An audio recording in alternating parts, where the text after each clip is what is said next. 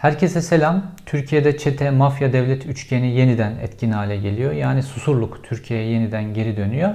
Ben bunu gerek yeraltı dünyasındaki değişimler, yeni aktörler, kartların yeraltı dünyasında yeniden dağıtılması ile ilgili okumaya çalışıyorum. Gerekse de susurlukçu kadroların devlette yeniden etkin olmaya başlaması ile ilgili izleri sürüyorum. Çünkü bunun ikisi birbiriyle ilişkili. Şimdi bu yeni düzenin finans ayağı ile ilgili geçtiğimiz günlerde çok önemli bir gelişme oldu. Kolombiya'da 5 ton kokain ele geçirildi ve Kolombiya Savunma Bakanlığı bu kokainin Türkiye'ye gönderilmek üzereyken yakalandığını, hedef ülkenin Türkiye olduğunu açıkladı resmen. Normalde Türkiye böylesine büyük bir kokain sevkiyatında güzergah olan bir ülke değildi. Demek ki düzende bazı şeyler değişiyor.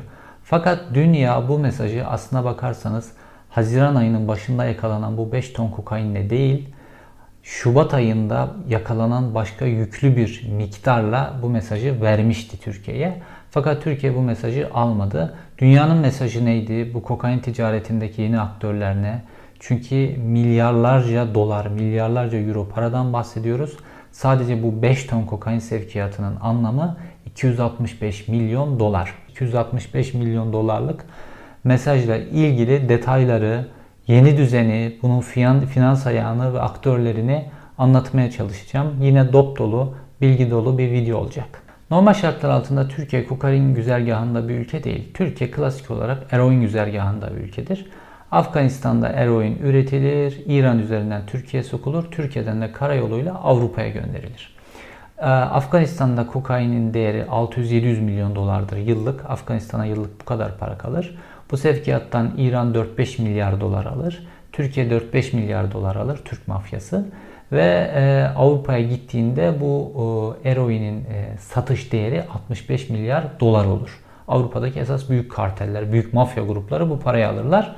Bu saydığım bütün rakamlar e, Europol'ün, Avrupa Polis Teşkilatı'nın resmi olarak açıkladığı bu e, uyuşturucu e, ticareti, uyuşturucu e, sevkiyatı ile ilgili rakamlar.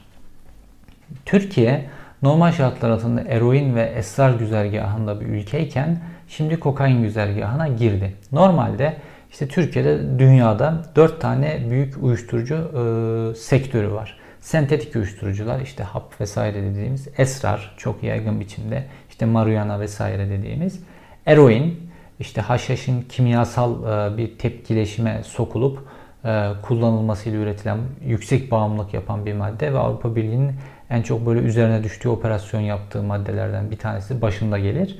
Ve kokain. Kokain de işte bu piramidin en başındaki üründür. En pahalısı, en safı ve genel olarak Amerika ve Avrupa'da tüketilen bir üründür. Türkiye gibi ülkelerde bu ekonominin çok iyi olmadığı ülkelerde pek tüketilmez çünkü çok pahalı. Hele Türkiye böyle 5 tonluk bir kokainin e, tüketilebileceği bir ülke hiç değil. Türkiye'de normalde çok elit bir alıcısı vardır böyle çok zengin işte böyle sanat vesaire grupları içerisinde e, tüketilir bu kokain ve bununla bu Türkiye çeşitli biçimlerde sokulur. Küçük partilerle 3 kiloluk 5 kiloluk partilerle işte bununla ilgili çok e, haberlerde okumuşsunuzdur. İşte e, Kolombiya'dan, Peru'dan gelen bir turistin çantasının gizli bölmelerinde 3 kilo çıkar, 5 kilo çıkar. Çünkü bu 3-5 kilo bile birkaç milyon değerinde bir üründür yani çok pahalı. Fakat Türkiye bu sefer ilk kez 5 ton kokain ile gündemde, dünyanın gündeminde. Normalde Türkiye kokain güzergahında bir ülke değil. Çünkü Türkiye'nin güzergahı müsait değil. Kokain dediğimiz şey iklim tabiat itibariyle Güney Amerika'da yetişen işte bir ağacın yapraklarından üretilen bir şey ve Güney Amerika'dan deniz yoluyla doğrudan Avrupa'nın sahillerine götürülür ve büyük alıcısı esas olarak Amerika'dır. Amerika'ya bir biçimde götürülür. O yakın güzergah zaten. Şimdi bu 5 ton anlamanız için size bir örnek vereyim büyüklüğünü. Ee, geçen sene 2019 yılında bir denizaltı yakalandı Portekiz açıklarında, Portekiz kıyılarında. Kolombiya mafyası okyanusu aşabilecek büyüklükte bir denizaltı inşa etmiş. Bu denizaltının içerisine 3 ton kokain koymuş ve bu denizaltı okyanusu aşarak gelip Portekiz açıklarına, Portekiz kıyılarına gelmişken orada yakalandı. Şimdi mafyayı düşünün okyanusu aşabilecek ki bu denizaltının fiyatı 2.6 milyon dolar olarak açıklandı yapım maliyeti. Böylesine pahalı bir denizaltı inşa ediyor. İçine 3 ton kokain koyuyor ve bunu Avrupa'ya ulaştırmaya çalışıyor. Düşünün ne kadar zahmetlere filan katlanıyorlar. Fakat Türkiye'ye gönderilen bu kokain 5 ton. E, ve normalde işte kauçuk tozu içerisine e, yerleştirilmiş e, koliler içerisinde normal konteynerin içerisine konmuş, normal gemiye yüklenmiş. Hedef ülkesi de Türkiye'deki bir liman. Normal gelecek. Bu kadar kolay. 5 ton. Normalde böylesine büyük uyuşturucu kartelleri toptan fiyatı 265 milyon dolar olan bir malı böylesine kolay kolay e, heder etmezler. Kolay kolay yem etmezler. Ancak devlet içlerinin içinde çeşitli garantileri varsa, çalıştıkları mafya gruplarının polisle devlet içerisinde belli garantileri varsa bu kadar büyük malı bir araya getirirler. İşte ya da işte denizaltı gibi böyle çok genius bir projeleri varsa bir araya getirirler. Normalde daha küçük partiler halinde yakalanırsa da çok risk oluşturmasın diye. Çünkü çok değerli bir şey kokain. Fakat görüyoruz ki Türkiye'de bir değişim var ve Türkiye'ye böylesine pervasızca bu kadar büyüklükte bir kokain gönderiyorlar. Çünkü anlaşılan o ki Türkiye üzerinden belli başarılı sevkiyatlar oldu. Ki o dozu bu noktaya artırdılar. Biz bunu nereden anlıyoruz? Bu mesajın öncesine dönelim şimdi 4 ay öncesine. 2020'nin Şubat ayında Bulgaristan'da 500 kilo kokain yakalandı. 500 kilo kokain aynı anda yakalanması da çok büyük bir olay. Ve bu 500 kilo kokain yüzlerce, binlerce meyve kolisinin içerisine küçük parçalar halinde dağıtılmıştı. Ve Bulgar polisine resmi açıklama yaptırıldı. Bu 500 kilo kokainin meyve, e, sebze e, kasaları içerisine küçük paketler halinde dağıtıldığı ve Europol'den de bazı bilgiler vardı bu haberlerin içerisinde. Kokain sevkiyatında artık sadece mafya grupları deniz yolunu kullanmıyor, karayolunu da kullanmaya başladılar ve Türkiye'de bu karayolu güzergahı içerisine girmeye başladı diye bir haber yaptırıldı Şubat ayı içerisinde. Bu Türkiye'ye resmi olarak haber yaptırılarak Europol'ün verdiği ilk mesajdı bence. Fakat anlaşılan o ki belli başarılı sevkiyatlar oldu. Başarılı sevkiyatlar olunca da daha çok para gelmesi için miktar büyütüldü. 500 kilolardan 1 tonlar, 2 tonlar en son 5 tonluk bir sevkiyat oluyor Türkiye'ye. Şimdi bu çok büyük bir para. Toplam fiyatı 265 milyon dolarlık bir para. Ve e, Avrupa'da Europol'ün açıkladığı rakamlara göre yıllık 300 milyar euroluk bir uyuşturucu pastası var. Şimdi anlaşılan o ki Türkiye'de yeni kurulan e, düzen, yeni kurulan bu susurluk düzeni bu 300 milyar e, euroluk pastadan bir pay almaya çalışıyor. Peki bu yeni kurulan düzen nasıl işliyor Türkiye'de? Bunun aktörleri ne? Türkiye'yi nasıl etkiliyor? Şimdi biraz bunu anlamaya çalışalım. Yine uyuşturucu ile ilgili uluslararası raporlardan gidersek Türk mafyasının organize biçimde çalıştığı iki mafya grubu var özellikle. Bunlardan ana grup Hollanda'da, diğeri Almanya'da. Özellikle eroinin Avrupa içerisinde satışında Hollanda'daki gruplar üzerinden Türkiye'nin Avrupa'yı domaniz, Türk mafyasının daha doğrusu Avrupa'yı domine ettiğine ilişkin rakamlar, raporlar var resmi olarak. Şimdi bu kokain ticaretinde de aynı mekanizmanın, daha doğrusu benzer mekanizmanın kullanılma ihtimali var.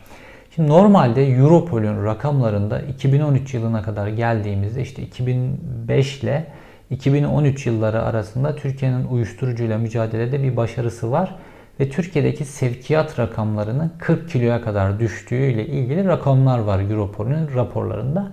Bu önemli bir başarı. Europol ile başarıyı buradan ölçüyor zaten. Ne kadar düşmüş kilo. Yani böyle 500 kilolar, tonlar vesaire sevk ediliyorsa anlayın ki çok çok daha büyükleri sevk ediliyor bir biçimde ve ülke yol vermiş anlamına geliyor Europol için. Bu 40 kilolar, 30 kilolar vesaire yakalanınca Europol için başarılı Türkiye. Fakat şimdi bu rakamlar çok çok arttı. Hatta bu rakamlar o kadar arttı ki geçenlerde bir yol kontrolünde yani normal bir ehliyet ruhsal kontrolünde normal polis 500 kilo uyuşturucu yakaladı. Yani artık olay çok çığırından çıkmış vaziyette. Şimdi Süleyman Soylu açıklama yapıyor. Diyor ki e, işte uyuşturucu satıcılarının e, ayağını başını kırın diyor. E, suçlarlarsa da beni suçlayın. Uyuşturucuyla şöyle mücadele ediyoruz. Sürekli olarak uyuşturucuyla mücadele ile ilgili başarısını anlatıyor Süleyman Soylu. Ankara gazetecilerinin bildiği bir şey vardı. Bir bürokrat, bir siyasetçi en çok böyle hangi konuya vurgu yapıyorsa en büyük açı oradan olur genelde. Şimdi Süleyman Soylu sürekli olarak böyle uyuşturucu satıcıları ile ilgili böyle sert açıklamalar yapıyor. Hatta onlara işkence yapılmasını mazur gören açıklamalar yaptı. İşte kolunu bacağını kırın vesaire diye.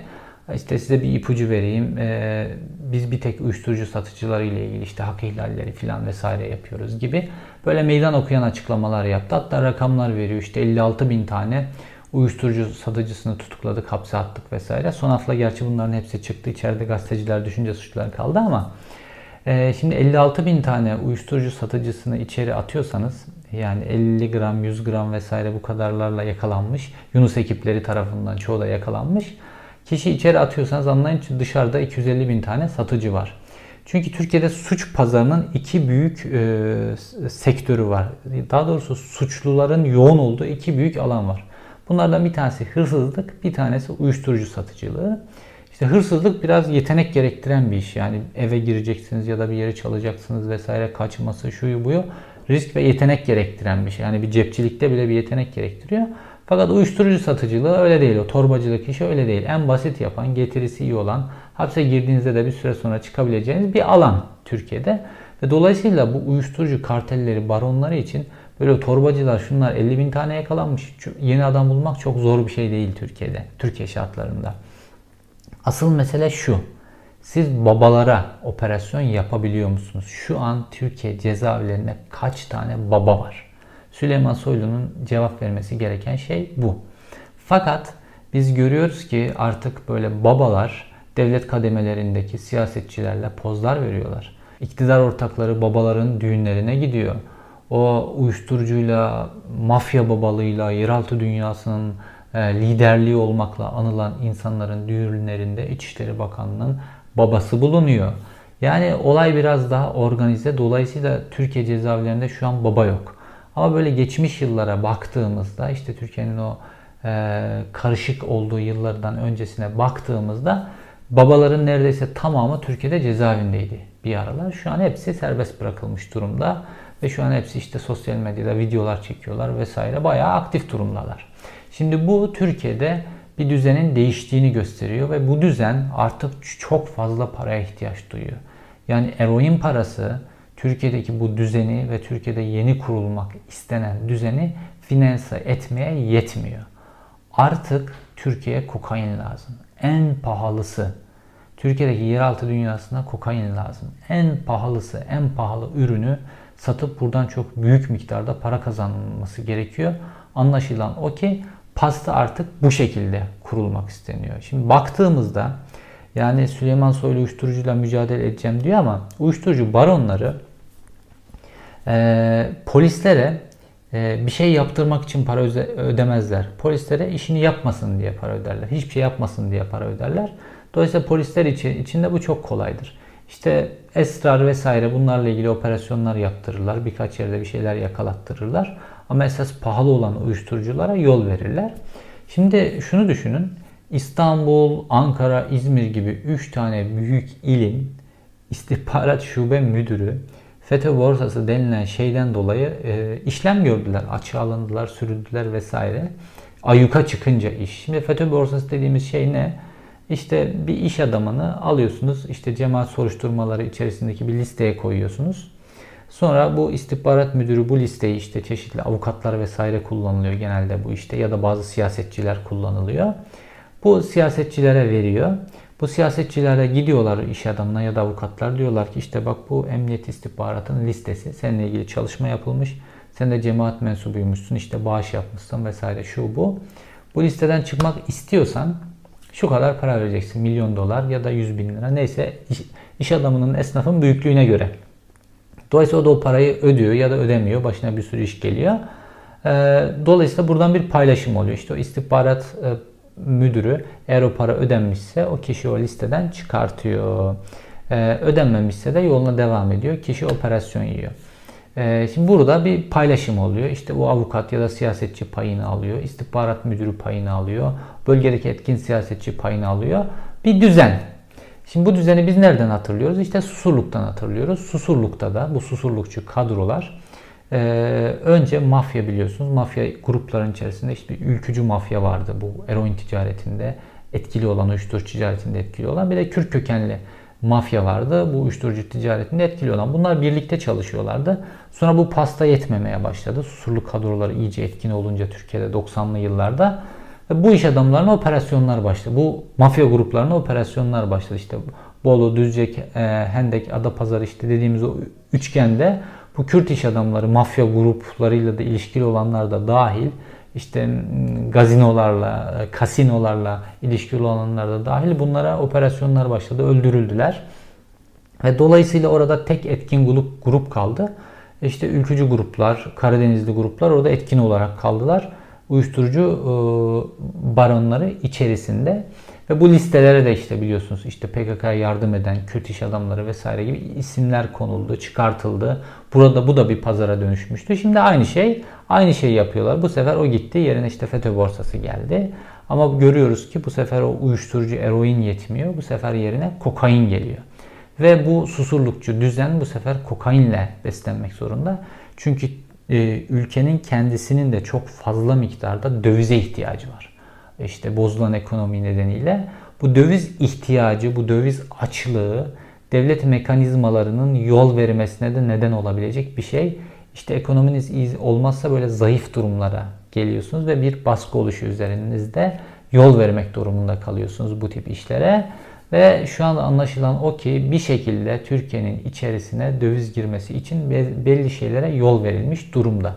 Zaten peşi peşine varlık barışı anlaşmaları getiriliyor. Nereden kaynağının ne olduğu, nereden kazanıldığı önemli olmayan bir şekilde büyük paraların Türkiye'ye getirilmesine izin veriliyor ve sistem içerisine sokulup legal hale getiriliyor. Bu paralar, bu büyük miktarda sıcak paralar, döviz paraları nasıl kazanılır? Yani kaynağının sorulmasına ihtiyaç duyulmayacak paralar nedir? Bunun üzerine düşünülmesi gerekiyor. Çok büyük paralar milyarlarca euro dolar paralar, 10 milyarlarca euro, 10 milyarlarca dolar paralar bu şekilde Türkiye'nin içerisine girdi. Şimdi 300 milyar dolarlık bir e, büyüklükten bahsediyoruz Avrupa'da. Şimdi bu büyüklük devlet mekanizmalarının hepsini dejenere edebilir. Hele Türkiye gibi ülkeleri. Şimdi Süleyman Soylu hiçbir mafya babasını içeriye alamamışken e, Hatta içerideki mafya babaları tek tek serbest bırakılıyor iken ve susurluk düzeni yeniden kuruluyor iken, susurluğun o etkin polis şefleri yeniden polis şefi oluyor iken uyuşturucuyla mücadele ediliyor masalını ancak kendi kitlesine anlatır, ancak kendi kitlesi inanır. Bir numarayı, uyuşturucu baronunu, babayı tutuklayamıyorsan ya da parayı bloke edemiyorsan satıcılarla uğraşmanın hiçbir anlamı yok. Yani polis, Yunus timleri, şu bu vesaire bunlar satıcılarla uğraşıyor, torbacılarla uğraşıyor. Onları hapse atıyor. İşte baronlar da siyasetçilerle, Devlet Bahçeli'yle, Mehmet Ağarlarla filan takılıyorlar. Bu düzende uyuşturucuyla mücadele filan olmaz ve uyuşturucu kartelleri de Türkiye'ye işte 5 ton kokaini e, gönderebilecek cesareti, pervasızlığı ya da özgüveni kendilerinde bulurlar. Şimdi hatırlayın geçmişte Saadettin Tantan İçişleri Bakanı iken kendi hükümetine yolsuzluk operasyonu yaptırmıştı. Şimdi Süleyman Soylu bundan o kadar uzak ki yani Burhan Kuzu işte şu an AKP'de çok da önemli olmayan bir siyasetçi. Yani bir uyuşturucu baronunu zindaş değil serbest bıraktırdı. Bu işte artık bu şu anki gazetelerde bile çarşaf çarşaf yazıldı. O uyuşturucu baronunu bıraktıran Burhan Kuzu'nun görüştüğü hakim vesaire hesap hareketlerinde nasıl anormallikler olduğu bile şu anki medyaya bile düştü. Şimdi sen İçişleri Bakanı olarak Süleyman Soylu daha bu Zindaşti, Burhan Kuzu üzerine gidemiyorsan böyle uyuşturucu baronlarının o büyük baronların falan üzerine hiç gidemezsin. Kaldı ki Süleyman Soylu'nun kendisinin de artık Susurluk ekibinin bir parçası olduğu bu yaptığı son atamalarla ki bunun videosunda yaptım. Yaptığı son atamalarla o kadar açıkta ki yani bu uyuşturucuyla mücadele tamamen hikaye kalıyor. Fakat bu Türkiye Cumhuriyeti'nde çok önemli bir e, dejenerasyona yol açıyor. Çünkü uyuşturucu bir ülkeye girerse ardından silah girer. Bu ikisi birbiriyle değiş tokuş yapılan ürünlerdir. İkisi birbirini takip eden ürünlerdir.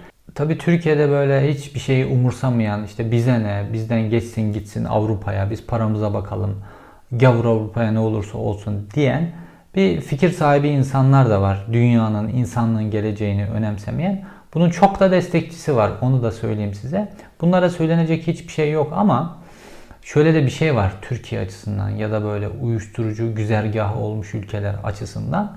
İşte eğer e, uyuşturucu gruplarının hele de böyle son derece değerli olan kokain gibi bir uyuşturucunun güzergahı olursanız mafya öyle bir büyük hale geliyor ki, öyle güçlü hale geliyor ki işte Güney Amerika ülkeleri gibi oluyorsunuz siz de.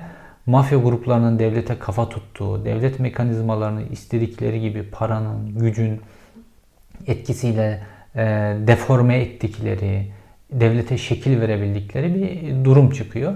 İşte Türkiye'de bir sürü faili meçhul cinayetlerin işlendiği, Türkiye'nin ekonomisinin mahvolduğu o 90'lı yıllarda işte o susurlukçu kadroların etkin olduğu yıllarda Türkiye'de bu uyuşturucu parası, kumar parası bunlar çok e, her şeyi mahvetmişti ülkedeki bütün devlet sistematiğini. Ve Türkiye bununla mücadele etmek için çok uğraştı böyle medyasıyla, kamuoyuyla, siyasetçileriyle. İşte bu gazinoların, e, kumar oynanan gazinoların kapatılması, uyuşturucu baronlarına tek tek operasyon yapılıp bunların hepsinin hapse atılması. Bu bir mücadele yıllarıydı. Ve Türkiye'de bir şeyler oldu, bir şeyler değişti. Türkiye'deki bu eroin e, ticaretinin e, çökmesiyle birlikte devlet mekanizmaları da güçlendi. Fakat şimdi e, filmi geriye alırsanız ve hele de kokain güzergahı olarak bunu yaparsanız mafya Türkiye'de öyle bir güçlenir ki ortada gerçek anlamda bir devlet düzeni kalmaz ki hele şu an işte Cumhurbaşkanlığı sistemiyle devlet düzeni alt üst edilmişken Türkiye'nin geçmişte de bu uyuşturucu sevkiyatından nemalanmak istediği, buna can attığı dönemler oldu. Yine ülkenin içinde bulunduğu ekonomik sıkıntılar nedeniyle işte afyon üretiminin serbest bırakılması vesaire ve dünya bunu yapmaması için Türkiye üzerine baskı kurdu ve sonunda da bunun acısını Türkiye çok ağır biçimde ödettiler. Şimdi Türkiye'de yine ekonomik sıkışmışlık nedeniyle, iktidarın ekonomik sıkışmışlığı ve dövize aşırı ihtiyaç duyması nedeniyle anlaşılan o ki bu yeni susurlukçu düzeni kurarak, bu mafya babalarına yol vererek, bu düzeni kurmaları için önleri açılarak böyle bu sıcak para susuzluğunu, döviz susuzluğunu gidermeye çalışıyor. Ve dünyada işte Kolombiya'da 5 ton kokaini yakalattırarak ve Savunma Bakanı'na, Kolombiya Savunma Bakanı'na bu Türkiye'ye gidecekti diye resmi açıklama yaptırarak mesajını tekrar veriyor ve bunu yapma diyor. Şimdi Türkiye e, Avrupa Birliği'nin böyle dibinde bir ülke olarak kokain gibi çok pahalı bir e, uyuşturucunun sevkiyatında yer alan bir ülke olmak için yolları açarsa, buna göz yumarsa, polis teşkilatı bakışını başka tarafa çevirirse bunun Türkiye'ye çok ağır faturalar alacaktır uluslararası düzeyde. Türkiye bunu geçmişte yaşadı. Şimdi bu videomuzu burada bağlayalım. Bu konuları takip etmeye devam edeceğim. Gerek yeraltı dünyasındaki gelişmeler, gerek devlet mekanizmaları içerisindeki susurlukçu kadroların yaptığı faaliyetleri izlemeye devam edeceğiz. Yeni düzenin kodlarını çözmeye devam edeceğiz. Kendinize iyi bakın, hoşçakalın.